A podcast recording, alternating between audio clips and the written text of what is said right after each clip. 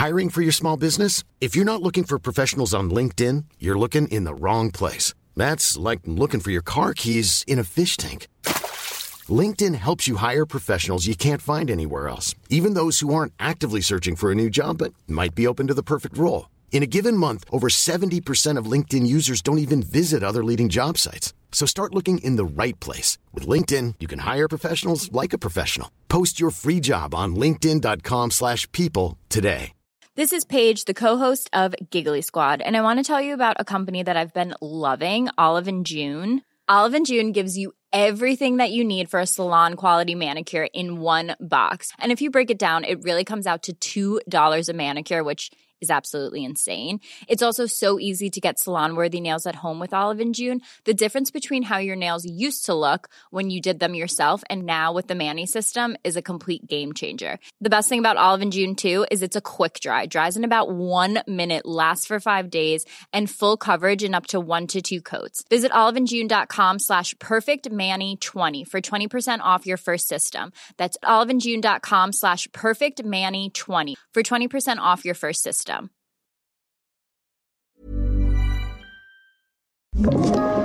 Podplay. Du lyssnar på Lille Lördag med mig, Anita Clemens. Och mig, Ann Söderlund. Ja, och i den här fantastiska onsdagen ska vi inte göra något annat än att prata om massa härliga saker som ni tycker om. Exempelvis Isabella Löwenkrips bok jag läst i helgen. Det hör du, du är så duktig. Du är en riktig kulturkvinna. Ja, verkligen. Mm.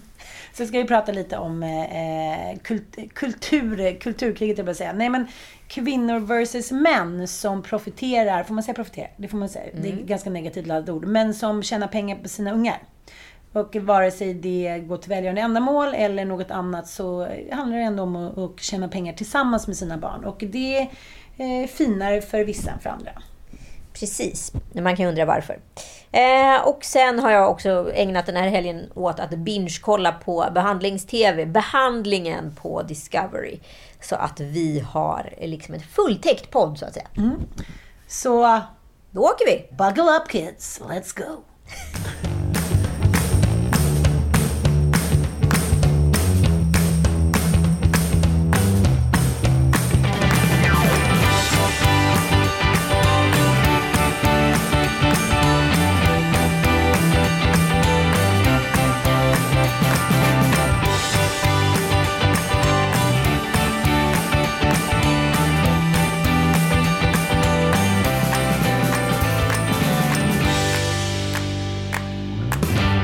Du har varit på fest i helgen.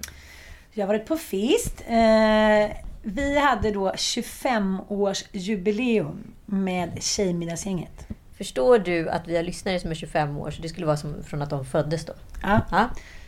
Eh, så det kanske är svårt att gripa. Eller greppa. Gripa kan man också göra. jag var väldigt gripen av detta. Nej, men jag trodde att det var 20-årsjubileum. Det tyckte jag, it made sense. Vi började ju väldigt tidigt, ska jag säga. Men eh, det är ganska intressant att se processen i det här tjejgänget. För några få har ju kommit till. Många har velat få access till klubben, men då har det varit nej. Eh, vissa som inte har tyckt att, att, nya medlemmar ska få vara med. Vi är som en liten eh, snål Rotary, Rotary-klubb. Men jag pratade med en tjejkompis om det där. Hon har också, vi är 11 och de är 12. Och de har också hållit på liksom, i många, många år. Och hur hur man går genom olika processer. Det var ju några år när vi var så alla hade små barn och ingen tyckte att den andra var särskilt härlig. Så men nu lägger vi ner det här för jobbet att vi ska ha tjejmiddag varannan, mid, varannan månad. Men då var det några som var såhär, nej vi kommer ångras, nu kör vi. Då får väl ni ta en paus då och sådär. Mm. Och nu, eh, som jag och min kompis pratade om, när man sitter där med alla de här tjejerna runt omkring sig så är det ju som att sitta med sig själv fast med andra utseenden. Liksom. Ja, men förstår du vad jag menar? Det är därför du pratar så ofta med dig själv. Ja, ja, nej men det är så jävla härligt för det är systern som aldrig dömer. Precis. Och bara den här liksom, det kändes, jag kände mig att jag ville för första gången använda gammeluttrycket. Jag hade, kände att jag hade sån rikedom. Mm. Att man satt där och så var det liksom, vi, hade, vi var hemma hos Lill-Åsa, vi fick färska ostron och god mat och det var bubbel och dans. och dit. Så tänkte jag så här, att också komma till den insikten. Förut skulle man ju alltid gå ut efteråt. Tänk om det hände någonting ute på stan. Och nu är man så här, det händer ju aldrig något roligare på stan än vad det gör... Nej, exakt. Och det, Aldrig, nej. Kan vi ge det som ett livsråd? Ja men ett livsråd. Alltså alla gånger man har varit på en så perfekta förfesten och bara känner sig nej, måste vi gå ut nu? Och så tänker man så här, ja men det kanske bara var där, därför det blev så magiskt, för att vi gick ut. Eh, för när man kommer ut så går ju alla åt olika hållen, man splittras upp eller så bara någon kommer inte in, någon drar hem och så vidare. Och så, då dör ju festen. Och sen är det aldrig lika roligt ute som det är hemma. Men när man har kommit till en viss ålder, plus 40, då inser man att det är på förfesten man ska stanna. Vi går inte ens ut. Vi behöver inte ens utmana ödet. Nej, det, fanns inte, det var inte ens som någon som skulle anda det som. Så ska vi gå ut sen då? Och sen grupp, grunden är ju också att när man är en fest, då går det ju inte att gå ut. För att då är det så många så att alla kommer inte komma in och så vidare. Nej, det är sant. Så Det var- att, ska man gå ut så ska man max vara två till fyra personer. Ja, det är sant. Ja. Men det var så mysigt och så tänker man att det spelar ingen roll Alltså det är så solidariskt. För jag tänkte att det spelar ingen roll vem jag hamnar bredvid av de här hönorna. Jag älskar alla och liksom jag, det spelar ingen roll liksom vad man... Vi är väldigt olika allihopa såklart. Men bara så här, hur man har liksom buntat ihop dem till någon stor kärleksklump. Kanske för 15 år sedan tyckte man så här, men gud, ska hon uppfostra sina barn så? Vad håller de på? Men, oh, den där snubben och bla bla. Men nu är det bara liksom sånt stort jävla öppet hjärta inför de här kvinnorna. För jag vet ju, skulle jag vara i liksom Bretagne med min nya älskare och sen så hade någonting hänt, då skulle alla sätta sig på flyget och hämta mig. Även de som jag liksom inte hänger med veckodags. Nej men precis. Och det är ju fantastiskt. Mm. Själv har jag ju bara varit liksom ett vrak den där helgen. Den här eller den där. Den där. Nej men du vet, jag har ju bara gått i ett. Ja. Nej men för, förra helgen så var jag på någon otroligt glamorös 40-årsfest. I din pyjamas för 75 000. I min pyjamas för 75 000. Retsticka. uh, nej men, och då började, gick man ju in på festen genom att krypa in genom en torktumlare. Och så har liksom resten av tiden varit därefter. Så kan vi säga. Nej men vadå? Nej, nej, nu drar du förbi det alldeles. Menar du då en fysisk Ja. formtumlare? Du hoppade in i en liten torktumlare, virvlade runt och hoppade ut på andra sidan. Ungefär så. Ungefär så. Wow! Det var spännande. Man, man kröp då alltså genom en torktumlare så kom man rakt in i en salon.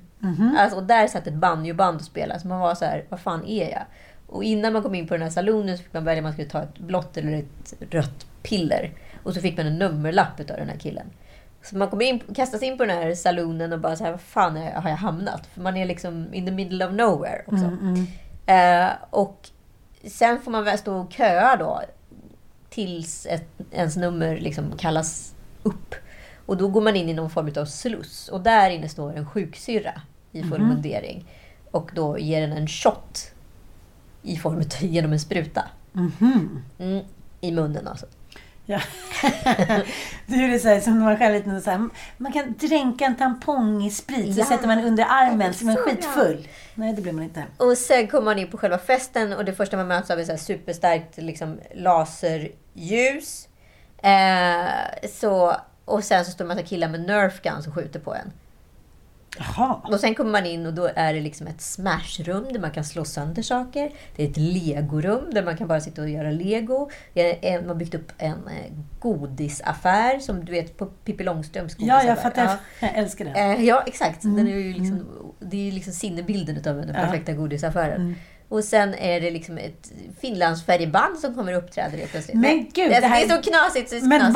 var, man hade inte, alltså, det behövdes inte vara något liksom extra ordinärt i de där tabletterna, för man måste ju ändå varit helt mindfuckad. Alltså, du var ju så mindfuckad. eh, Och dresscoden var ju också eh, dressed mindfuck.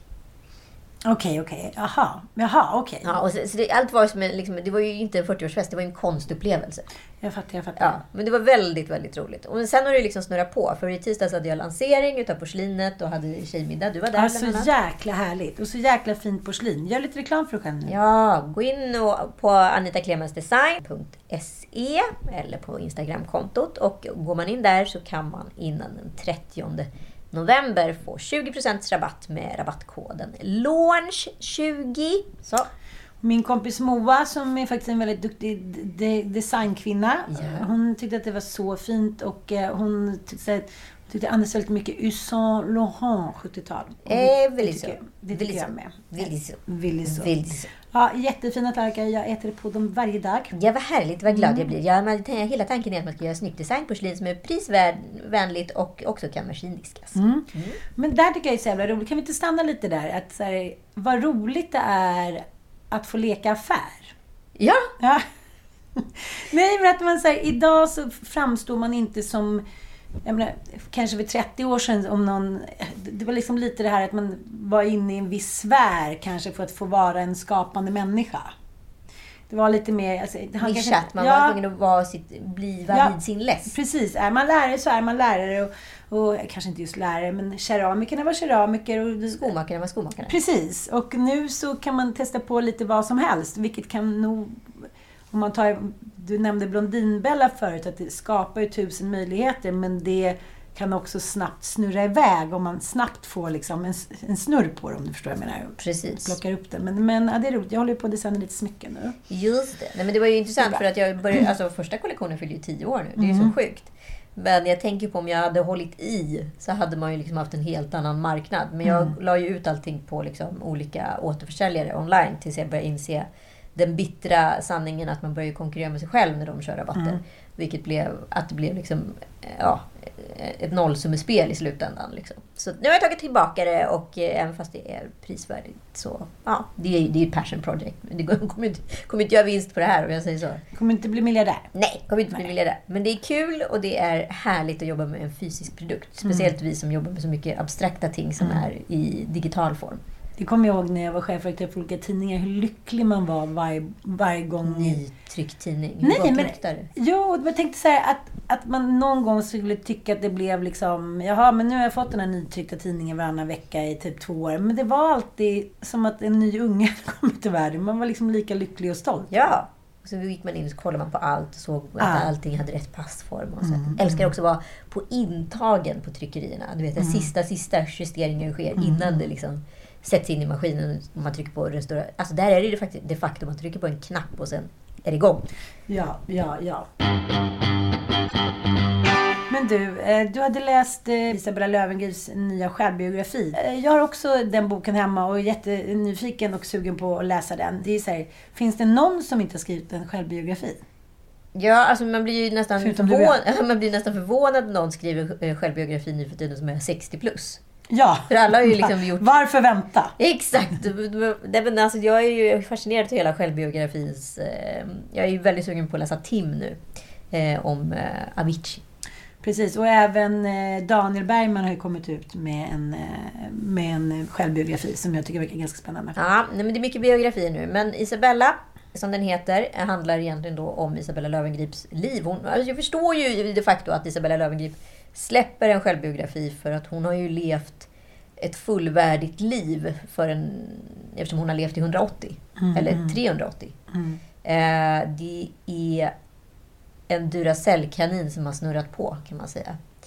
Eh, och ja, det som var mest drabbande i boken, när man dels tycker att det var en jättestark öppning, eh, som bra jobb måste jag säga. Det är en jättebra... Eh, den som har skrivit den tillsammans med henne är ju eh, min kompis faktiskt, Rebecca Edgren Aldén. Och eh, du tyckte den var välskriven. Mm, väldigt välskriven. Eh, och det är liksom egentligen små dagboksfragment eh, ihopmixat med liksom lite skön litterär ja, patina, kan man säga så? Man har liksom iscensatt eller målat upp miljöer för oss eh, läsare för att ha någonting att följa med i. Eh, berättar om en New York-öppning som är rätt stark. Liksom hur de besöker ett medium. Och miljöerna beskrivs väldigt ingående och det antar jag att man kanske inte hade gjort i en eh, dagbok i samma utsträckning. Nej, nej, jag fattar. Eh, och eh, sen så slungas man liksom från eh, passionerade kärleksrelationer, eh, galna uppbrott, eh, psykakuten, affärssignings med Elchock i elchocker. typ. Ja, men alltså så här, den är väldigt naken måste jag säga. Och liksom, jag blir rätt liksom drabbad av hur en ung person kan ha ett sånt liksom, trasigt men ändå rikt liv. Och det hänger ju väldigt mycket ihop med hennes väldigt liksom, trasiga barndom. Och det kan omöjligen komma något annat ur det än just det Isabella blir. Men jag, men jag tänker så här, vare sig det gäller en relation, relation i familjen, en relation man har med vänner eller med kärlekspartner så är ju så här, när det finns en viss energi i familjen så kanske det inte finns någon heller som säger stopp. Jag har träffat hennes pappa några gånger. Ja. Och där går det också ganska snabbt, om man säger så. Ja, och de har ingen kontakt idag, eller väldigt sporadiskt. Ja, hon har ju skrivit då att han har läst boken och är så stolt och glad. Men att mamman tyckte att, att det var jättejobbigt att läsa den. Men jag tror att hela problemet, och som vi pratar om Einar också, att här, det finns ingen nej-sägare. Nej. Och liksom, det är livsfarligt att vara sådär ung. Man känner ju fortfarande det där att säga, oj nu är man på gång, nu kanske någonting händer, man får chans att göra något jobb, man får chans att hit och dit. Hur man kan dras med i den där loopen ganska snabbt. Då är Ja, så här men jag tycker Kaja 20. Cosmetics borde verkligen kolla på liksom, Mm. caset Isabella, liksom, vad som händer. Så att så här, man inte liksom, bygger upp varumärke och person. För det, är en stor, det finns en stor risk i det. Och hon var ju ändå först ut, skulle man kunna säga. Men, men jag tänker så här, det är ganska svårt också att... Men nu har hon fått en bipolär diagnos. Och jag känner ju, jag har ju flera kompisar och bekanta som är bipolära. Och när man kommer in i en, ett bipolärt liksom... eh, Maniskt tillstånd. maniskt tillstånd. Alltså det är svårt. Alltså man får nästan ta liksom en machete och ta sig in i de där energierna. Det går snabbt. Och man dras in i det där. Och liksom just det här med... Jag tror inte det handlar så mycket om just i det här fallet att ha nej-sägare eller inte. För det upplever jag ändå att Isabella har haft runt omkring sig. När man är i ett sånt där skov, Mm. vilket det kallas, då, då, kan, då, går, då tar du besluten själv. Det är snarare att här, är sant, folk inte. Mm. hinner säga nej. För att du har redan tagit beslut som kan få vansinniga konsekvenser. Det är också att det går så otroligt snabbt. Jag har ju en, en, en kompis som eh, fick ett eh, bipolärt skov här för eh, något år sedan och som jag... Jag åkte hem till honom och ja, det slutade med att han hamnade på psyket. Och jag tänkte på det när jag var där. Jag tänkte så här... Gud, det är som att vara med i en film som går jättelångsamt och samtidigt jättesnabbt. Jag bara såg allting utifrån, men jag kunde liksom... Jag försökte bara hänga med. Så, Nej, men nu ska vi, nu ska vi gå härifrån, nu ska vi klä på oss. Och sen var han borta, sen hade han tagit cykeln och sen så hade han tänt en cigg och sen var han där. Och sen när man återberättar vad han har gjort under den kvällen, Ja. då är det liksom som att han har levt i tre veckor. Den kvällen i tre veckor. Jaha, fjol, 17.33, då var han på Tennstopet eh, och var glad i hågen. Eh, 18.33, då... Alltså det går ju sån jävla manisk... Man, om man inte har sett med egna ögon så kan man liksom inte riktigt förstå. Nej. Sen, nej men, och sen så du måste jag bara tillbaka till boken igen. Och liksom så här, det finns ju, hon öppnar ju upp sig och är sårbar, vilket är starkt för första gången. Men sen finns det ändå någon... Alltså jag får inte liksom... Och det kanske hänger ihop med bokformen eller någonting. Jag känner, men jag känner inte den här djupa smärtan. Jag fattar, jag fattar. Förstår du? Mm, mm. Så vissa har ju, men det kan ju handla om förmågan att skriva eller förmågan att delge. Och det kan jag ju så här uppleva att många personer som kanske inte är hela tiden närvarande eller liksom är i sina sinnen, att man hela tiden känner och kan känna smärta. För att det kräver en, fattar, observ- fattar. en observationsförmåga som är mycket starkare på något sätt. Mm. Jag, jag, jag, vet, jag vet inte heller. Jag förstår precis vad du menar. Att så här, hon kanske inte har kommit ända dit. Hon kanske har kommit till smärtpunkten men den är för jobbig att skriva om. Så att man kan inte så här, nästan illustrera det med text. Liksom. Men jag vet inte. Alla människor kanske inte når samma smärtpunkter heller. Nej, absolut. Man kanske aldrig når riktigt, riktigt botten och man kanske aldrig når riktigt, riktigt toppen. Även Nej. hur lycklig och man tycker allting är perfekt. För jag upplever många gånger att hon pratar om sig själv i tredje person. Mm. Att jag, den lilla flickan, kunde vara här. Alltså det är som att hon inte är närvarande ens i sin ultimata lycka. Mm, Allt hon skulle uppnå var eh, liksom hon var en hårsmån från det, men det bara hon som har satt de här målen. Hon Mm. borde ju liksom tagit ut segern i förskott, eller vad man skulle säga. För hon vågade liksom inte njuta helt. Jag kan känna igen mig i det. Så Mm. jag, det, det är lite träffande för mig personligen. Ja, men jag fattar. Men eh, jag tänker också på det när hon berättar om eh, sin bipolära sjukdom så har hon fått ganska mycket negativ respons. Ja, ja visst. Skyll ifrån det bara. Så här, ah, nu var du bipolär också. How convenient, typ. Men det är ju Och uppenbart det- att hon är det. Eftersom Ja. skulle hon inte uppnå det. Nej, absolut. Men så här, okej, nu skriver den här boken och ska få upprättelse. Men jag tänker när Micke, Micke Persbrandt skrev boken om sin bipolaritet och, eh, och hela hans liv och leverne som en förklaring till det. Då, då tyckte alla att han var så stark och modig och nu förstod man. Så det, det finns också en sån jävla kö, könsaspekt på tokigheter. Och, Men det är ju någonting med kulturen och kulturkvinnor och kulturen som används till mäns fördel i många fall. Det kan ja. man komma ifrån. Ja, men du var ju med nu här i, eh, i veckans avsnitt av Kulturkriget.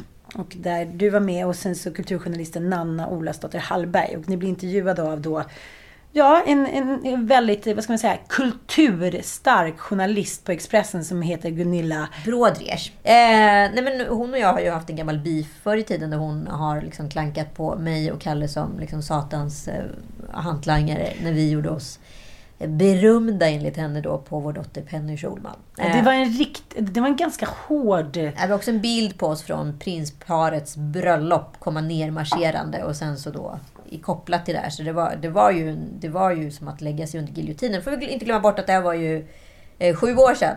Eller sex eller sju år sedan. Och då såg ju inte heller den här världen riktigt likadan ut. Det var ju innan metoo och alltihopa. Så det, ja, hennes ord gav ju liksom mycket bäring och det fick också många människor som kände sig osäkra att då definiera vad vi höll på med, gjorde och var fel. Mm, precis. Hon äh. menar på att ni var liksom eh, ja, men ni kapitaliserade och eh, gjorde er berömda på Pennys, vä och, och Pennys vägnar. Precis. Mm. Eh, och tvingade då det här lilla barnet eh, ja, narra för massorna för att vi då skulle bli rika på henne. Hon skrev ju också som att det vore verkligen Götabladet 1833. Ja, lite så. Nej, men jag ställde upp i hennes program och det första Gunilla säger, vi kan lyssna här. Ja, vi ska verkligen lyssna på det här, för det var det första jag tänkte på. Jag har sett att även eh, Sveriges kanske finaste person, Jason Diakité,s säljer tishor tillsammans med sin dotter på sitt Instagram. Och eh, ja, Ebba von Sydow säljer ju allt möjligt, nu senast äppeljuice eller vad det var. Va, vad känner du för det här, Nanna? hela fenomenet? Um, jag tycker det är jättesvårt. Alltså jag, jag känner mig väldigt så, hycklig när jag pratar om det för att jag själv är inte främmande från att ha använt mitt barn på olika sätt på sociala medier. Men jag ser det som liksom en utveckling som kanske inte är helt positiv för barnen och jag tror typ att vi skulle kanske behöva prata mer om det. Mm. Eh, på olika sätt. Ja, men jag tyckte du sa någonting precis nu när du påade de här olika bilderna. Mm. Då sa du Sveriges finaste person och så råkade det vara en man. Och så fort du sa, visade kvinnorna så var det med en annan tonalitet. Och jag tycker att det finns en ganska stor eh, stort kvinnoförakt inom det här. Just för att det är en plattform som faktiskt mammor och kvinnor eh, är liksom chefer i på något sätt. Alltså vi alla på något konstigt sätt momagers som, mm. har, som har egna stora konton och som har barn då som verkar inom våra plattformar på sociala medier. Men så fort det är en man eller en pappa så är det världens finaste helt plötsligt och så är det ju ofta. Jag vill igen, jag vill, jag vill att du spelar upp inledningen igen och så lyssnar vi lite på hennes tonalitet. Jag har sett att även eh, Sveriges kanske finaste person, Jason Diakité, säljer tishor tillsammans med sin dotter på sitt Instagram.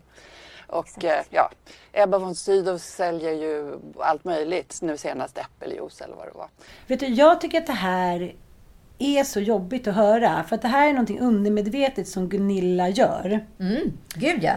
Hon gör på gammelsätt och som tyvärr också är nysätt. Hon direkt hyllar eh, den här konstnärliga mannen, kulturmannen och hans söta lilla dotter. De dansar, de är gulliga, de är tokiga. De kamouflerar kapitalismens svarta tryne liksom. Mm.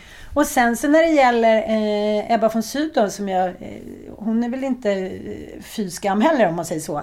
Då pratar hon om det som att hon är någonting som katten har släpat in. Ja, det är juice eller vad det nu är. Hon har inte ens bemödat sig om att fan ta reda på vad det är hon ska berätta att hon säljer. Nej. Redan där så är så här, nej men det, diskussionen är ju död. Ja men där förlorar ju liksom Gunilla slaget. Alltså med i, i öppningsrepliken. Och jag är också så här, så fort en man eh, lägger upp bilder tillsammans med barn i sociala medier, då är de direkt en liksom närvarande, medveten pappa. Och när kvinnor säljer grejer med sina barn i sociala medier, då är man en hynda, en sköka, en, en utnyttjande mamma, en vidrig person och så vidare.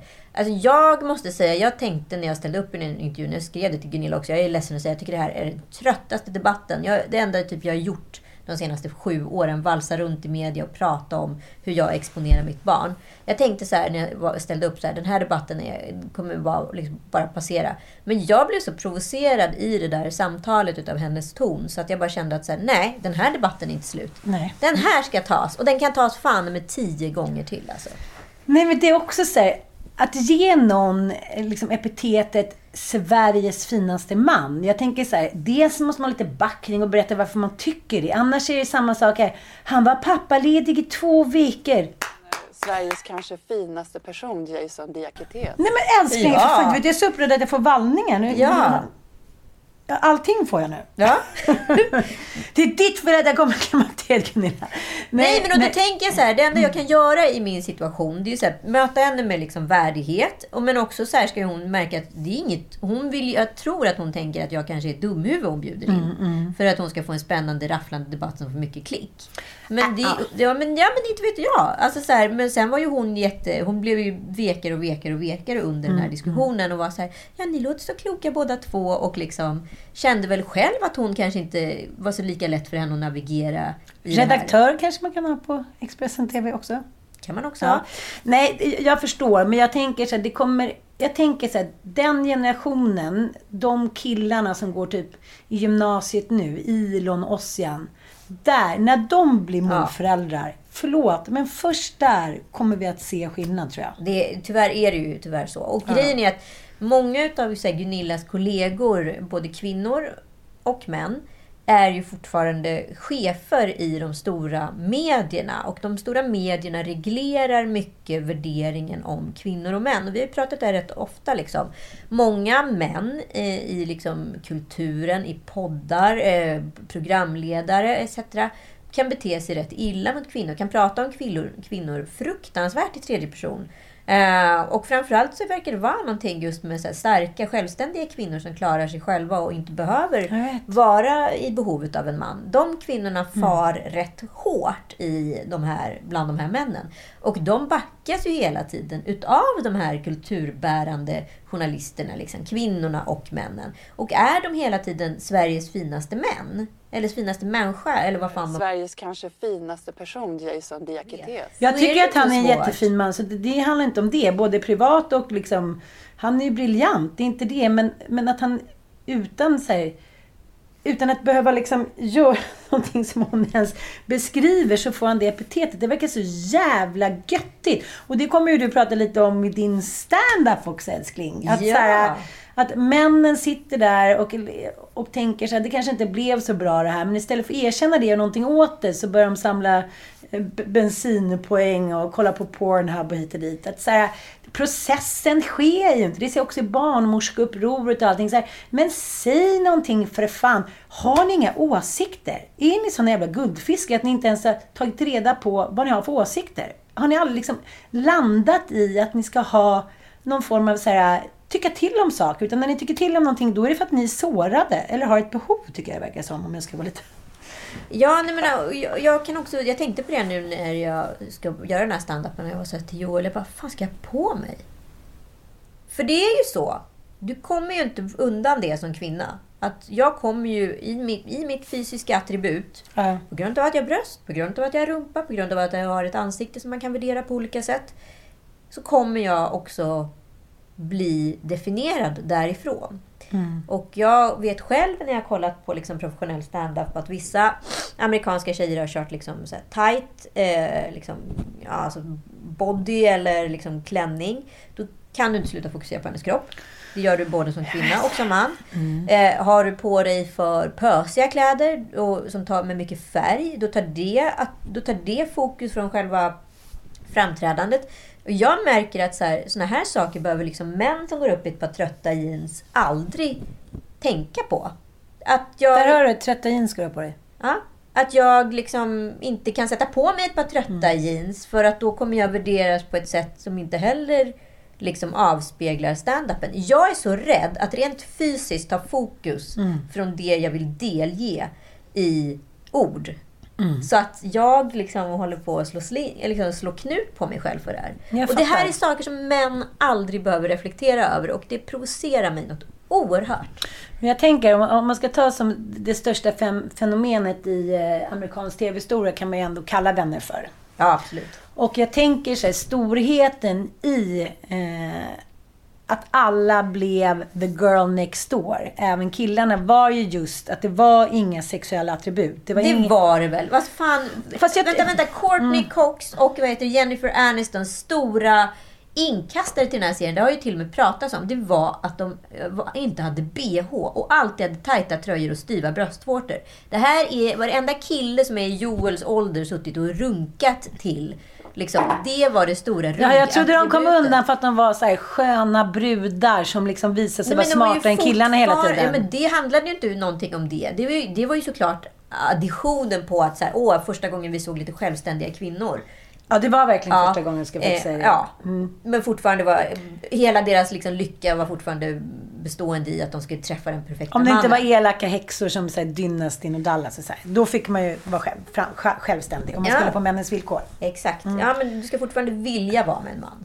Men gud, det där är jävligt intressant för jag eh, hade en diskussion om det där att det var en, en, eh, en tjej på tjejmiddagen som sa så här, nu, eh, nu inte, det var ju inte roligt när Mia Skäringer skulle vara Tabita nu i den här nya reklamfilmen för att nu är hon ju liksom för smal och snygg. Nu vågar hon inte liksom spela riktigt på att vara liksom nidbilden av en töntig brud från landet. Nej men precis, och det har jag ju sagt flera gånger. Att så här, jag, jag liksom försöker tänka på Celeste Barber. Men att det finns något så här... eh, Så fort man har lite hull, kan man säga så. Då är det som att du har iklätt dig en fatsuit som kvinna. Ja. Då är det mycket lättare att skämta om din kropp. För då är du avsexualiserad. Och då kan du ta ut svängarna. Så fort du har... Fort du är liksom normalviktig, eller vad fan jag ska kalla det utan att trampa på några ömma tår. Jag hoppas att alla förstår. Då, vad heter det, är då är du helt plötsligt sexualiserad.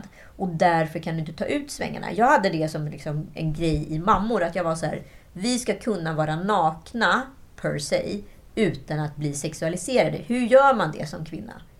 Utan att bli sexualiserad. Går det? Gick det? Eh, Vi tog aldrig med den. Vi skulle ju gjort en, en grej. Liksom. Men det är, det är svårt alltså. Då tror jag liksom att som du säger att man måste vara ganska högt upp på humorhimlen och all, från början ha spelat på det. För det var ju samma sak nu någonstans. Det är inte lika roligt när Celeste Barber gör någon så här halvnaken grej nu. För hon har också blivit lite för smal. Att så fort fatsuiten är borta, då blir man per automatik enligt gamla liksom, normer. Inte, kan, då kan man inte vara rolig längre. Nej. Och liksom vi, så här, våra jävla hjärnor måste ju på något sätt omprogrammeras. Att, och, det är lite som... Eh, Ja, men för det är också en diskussion i den här debatten som vi har eh, i Expressen Kultur, alltså Kulturkriget, eh, där vi kom in på just kropphets och så vidare. Där eh, då Nanna påstår att det är alldeles för mycket, för mycket vad heter det, fokus på kroppar och så vidare. Under tiden jag tycker att så här, det är första gången jag ser så mycket mångfald. Och jag upplever inte att min dotter har ett ideal lika tydligt som vi hade tio supermodeller att välja på. Och alla var stöpta i samma form. Att det var det tydliga idealet och allting runt omkring var någon form av missanpassning. Jag, jag tänker, eftersom vi har pratat om eh, Spice Girls-dokumentären. Ja. Så finns det en scen där, eh, där Victoria Beckham precis har fått barn. Att de väger henne i programmet. Ja. Och liksom, du måste också förstå, eller du vet ju det här att det här var ingenting vi reflekterade över. Det var roligt och det var så här, vad tokigt, har hon blivit tillräckligt smal igen? 90-talet framstår ju som att det var revolutionerande för kvinnor, men det var ju också befäste att man var tvungen att vara den här sexiga men smarta självständiga tjejen. Men du, Howard Stern, ni vet radioprofilen i USA, eller liksom vad man ska kalla honom för. Ja, han hade ju alltså ett program där han lät olika, allt från porrstjärnor till liksom, Carmen Electra, alltså såna, vad ska jag säga, sådana som har vikt ut sig i cowboy var det attribut sexig tjej. Rida på någon sån här dildo-maskin och komma då i TV. Och så skulle man då sitta och så här, kolla vilken, vil, vilken nivå på den här dildomaskinen, alltså vilken effekt som får henne att komma. Det var själva liksom, the plot. För, det. alltså själva resultatet. Det här ska vi uppnå. Men jag blev så... Eh, jag har tänkt på det så mycket för vi har en kompis som bor i Los Angeles som är ja, författare och poddare. Hon är, på, på Instagram heter hon Peppe, Peppe, Peppe. Följ henne. Hon är liksom smart, eh, begåvad, rolig och. Verkligen. Och hon eh, skriver ju då eh, på, sin, ja, på sitt Instagram för några dagar sedan att hon har suttit eh, på ett ställe i Los Angeles som öppnat upp nu och eh, beställt en pasta och käkat upp hela pastan. Och servitören noterar direkt så här, wow, käkar upp hela pastan. Det är inte ofta kvinnor gör det. Och då var det så många som svarade så här, gud det händer också alltid mig. Och flera sa så jag skulle aldrig checka upp eh, all mat på krogen för jag orkar inte höra den där kommentaren. Sen är ju Peppe, Peppe, Peppe då väldigt slank. Så då var det några som skrev så här, ja men lätt för dig att säga. Och så. Sen blev det liksom en väldigt... Um... Det fina tycker jag var att debatten blev inte hetsk.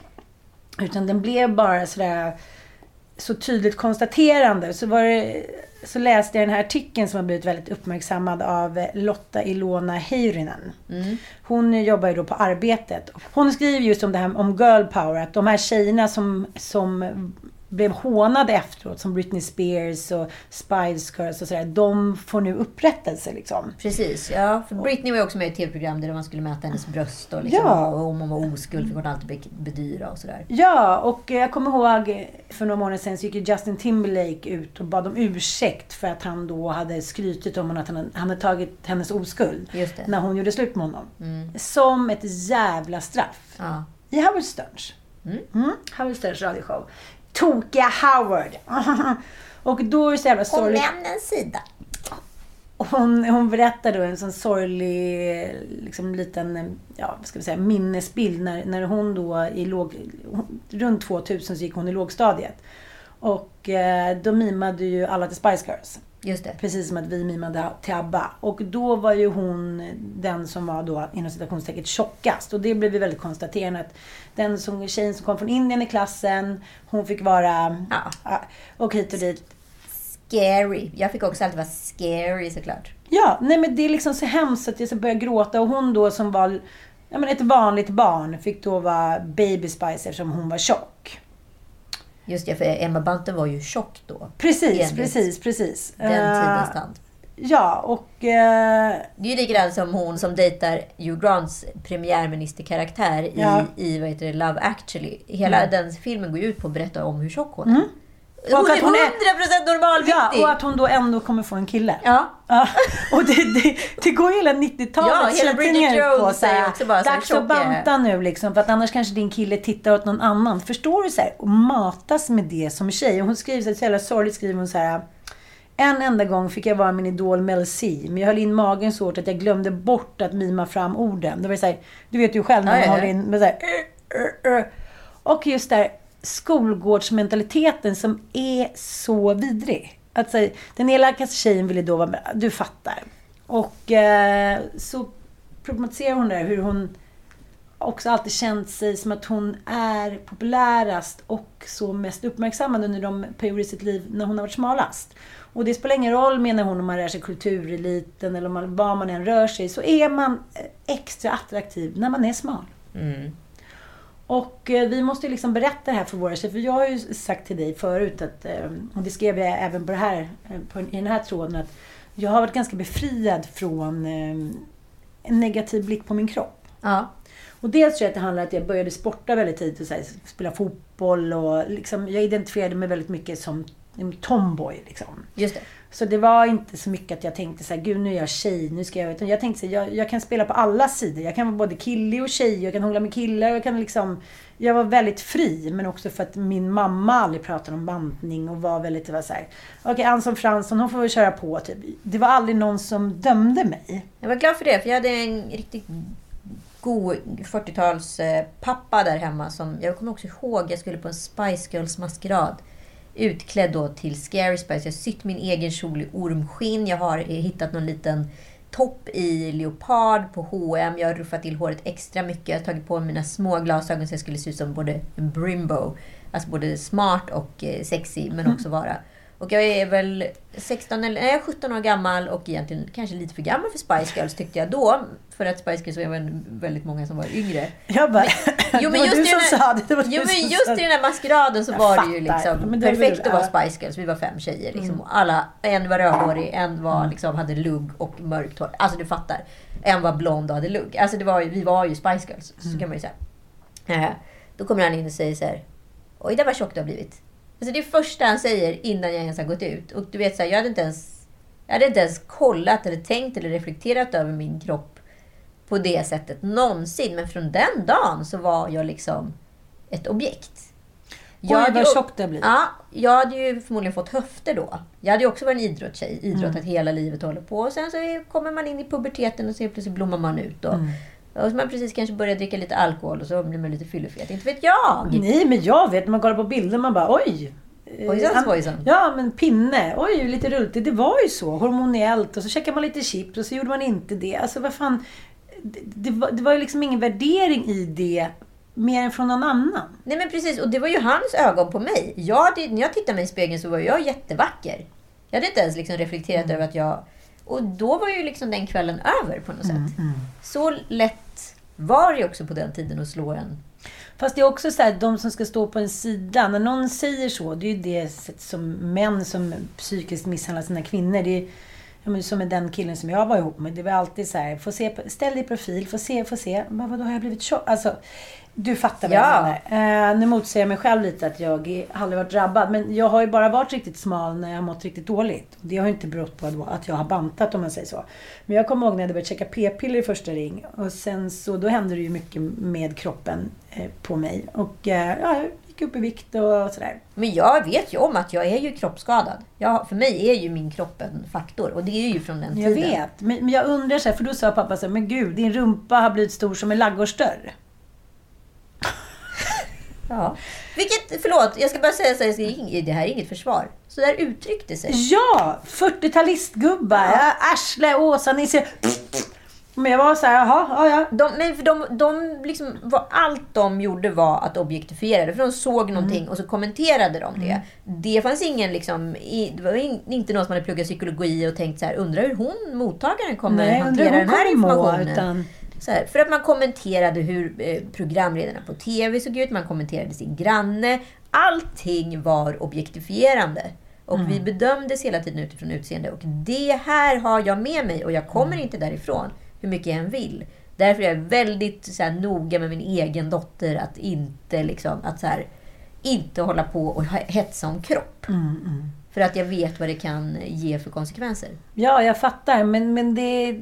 Jag kände för att han sa det. Jag kommer ihåg att han sa det. Men jag tänkte så här, ja, ja, köris. Lugna ner dig. Du är själv tjockis. Jo, men jag, typ jag tänkte inte heller, det var ju bara en kommentar utav tusen från min pappa som kommenterade mig och min mamma exakt hela tiden. Men liksom i efterhand så förstår jag ju att de där kommentarerna har ju burit mycket vikt Såklart! än vad jag trott. Ja, och det, liksom, det är som ett gift i dig. Du kommer liksom inte ur det. Nej, Det är nej. som nedimploderat i din kropp. Nej, men jag kommer aldrig bli frisk. Det vet jag. Det vet jag.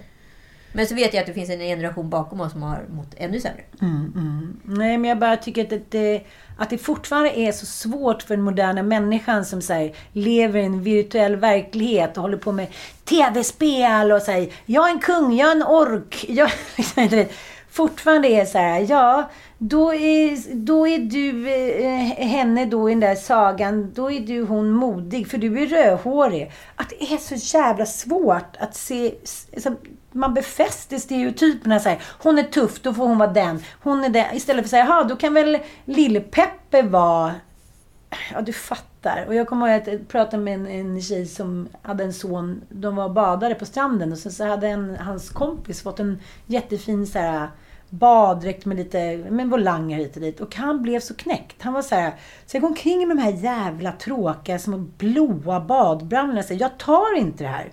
Så det slutade med att de eh, fick ta en tuschpenna och liksom rita på någon baddräkt. Och så. Jag tycker det är en så jävla fin historia. Men hur många vågar stå upp för sig själva när de är sådär små? Jo, men de vågar ju det nu för tiden. Det är det som är så coolt. De alla vill ju alltid låna så här Pennys eh, liksom prinsessklänningar. För de var ju mycket coolare än hans superhjältedräkter. Alltså fram till han var tre. Och det blev ju ändå så här, det fanns liksom ingen som sa så här, nej, det där kan inte du sätta på dig. Vilket man hade gjort när vi var små. Eh, och eh, vi tyckte bara att det var skitgulligt. Sen så väljer han det naturliga urvalet oavsett vad man vill eller inte. Så finns det ju en könsnormativ liksom, ja. Men, men det är så här, Lekattribut. Det, jag tror att det skaver liksom i oss genom historiens gång. För jag tänkte, våra svärföräldrar, eller Mattias föräldrar bodde ju hos oss. Eh, Vi var på teater i fredags och sov de över.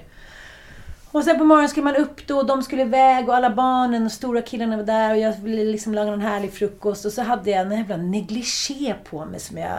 Ja, inte vet jag. Jag hade väl liksom... Ja, men vi, jag, jag hade somnat i den då som en liten sovgreja. Och sen på morgonen så kissade jag och så tog jag liksom upp den. Den, den blev det liksom som en topp istället. Och så orkade jag liksom inte sätta på mig den för jag skulle ändå så här, tvätta den. Så jag liksom la den då Alltså, jag la under den som ett linne. Ja. Och så hade jag pyjamasbrallor. Så Ja, jag ja, tänkte, precis. det kan jag väl vä- vädra Bettan liksom. Eh, och så kom jag ner och så är det första farfar säger då. Vad är det där för någonting du har i ryggen? Då hade ju den liksom åkt upp, den där negligén, så man såg liksom en liten spetsgrej som hade åkt upp då. Jaha. Ja. Mm, Det var direkt dit och Precis, och den kom liksom...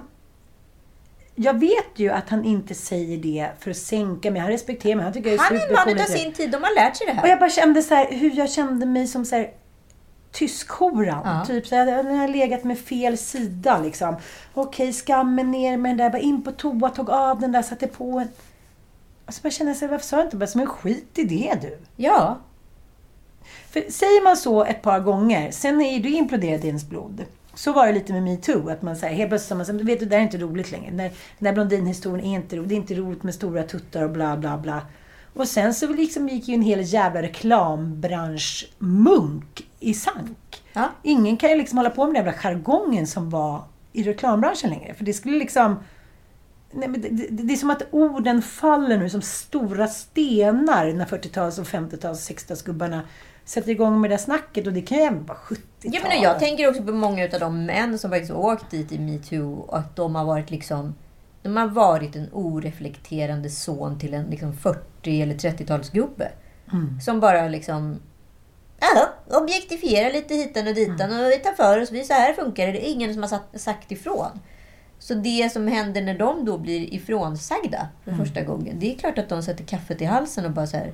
Vadå? Och då kommer ju de försvaras med näbbar och klor för att de vill ju inte ha gjort fel. Och de är fortfarande inte benägna att se att de har gjort fel. Det tyckte jag var det liksom, den stora sorgen i liksom Soran-dokumentären. Att även om han liksom han försöker förstå det här liksom teoretiskt. Men Han han, kan han, inte. han kan inte för han vandrar hela tiden runt det.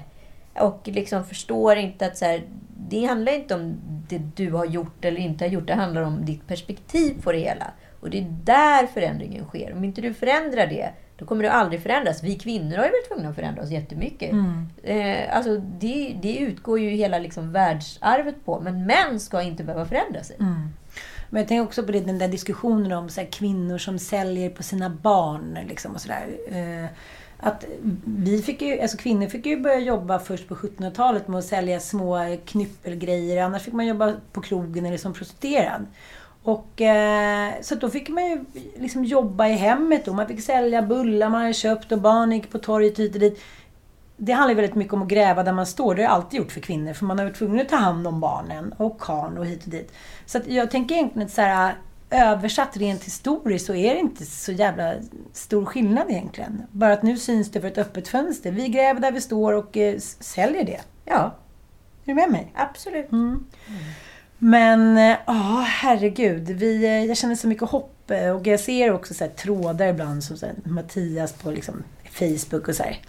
Nu är det med att man får gömma sig då om man ska ha lite sådana roliga bilder och skicka till varandra, kompisgänget. Så här. Jag bara känner så här. Bra, göm er där. Sitt och mugga. För att ibland försöker ju liksom Mattias säga något lite roligt, ja men skämt då som Ja, men som alltid man har sagt innan, lite roligt om kvinnor eller ja, men vad fan det nu handlar om. Och då ser jag ju på mina killar, de är så här Mossfarfar kommit hit nu, men så här, låt, låt han hålla så han känner sig nöjd ett tag. De, de, de fattar att det där är över. Ja, det är mera som är över. Ja. Och med det tror jag att vi stänger veckans podd. Tack för att ni har lyssnat. Vi hörs om en vecka. Och gärna, tyck till om det här. Ja, och skriv i kommentarerna. Ni får Ja. jättegärna, ni, vi tycker det är superhärligt att ni skickar DM. Men Ja. det blir, blir ännu gladare ifall ni vågar skriva det öppet. För att era röster är ju viktiga. Ja, för, för, både för oss och för alla andra. Så kom igen, nu kör vi lite debatt. Ja, Onsdag. Mm. Puss och kram! Puss puss!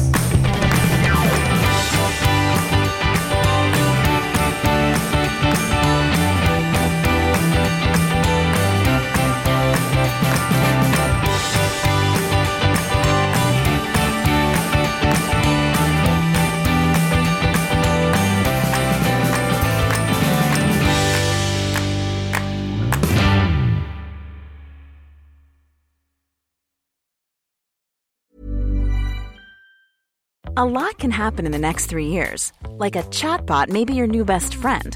But what won't change? Needing health insurance. United Healthcare Tri Term Medical Plans are available for these changing times. Underwritten by Golden Rule Insurance Company, they offer budget-friendly, flexible coverage for people who are in between jobs or missed open enrollment. The plans last nearly three years in some states, with access to a nationwide network of doctors and hospitals. So for whatever tomorrow brings, United Healthcare Tri-Term Medical Plans may be for you. Learn more at uh1.com. Mom deserves the best, and there's no better place to shop for Mother's Day than Whole Foods Market. They're your destination for unbeatable savings, from premium gifts to show-stopping flowers and irresistible desserts. Start by saving 33% with Prime on all body care and candles. Then get a 15-stem bunch of tulips for just $9.99 each with Prime. Round out Mom's menu with festive rosé, irresistible berry chantilly cake, and more special treats. Come celebrate Mother's Day at Whole Foods Market.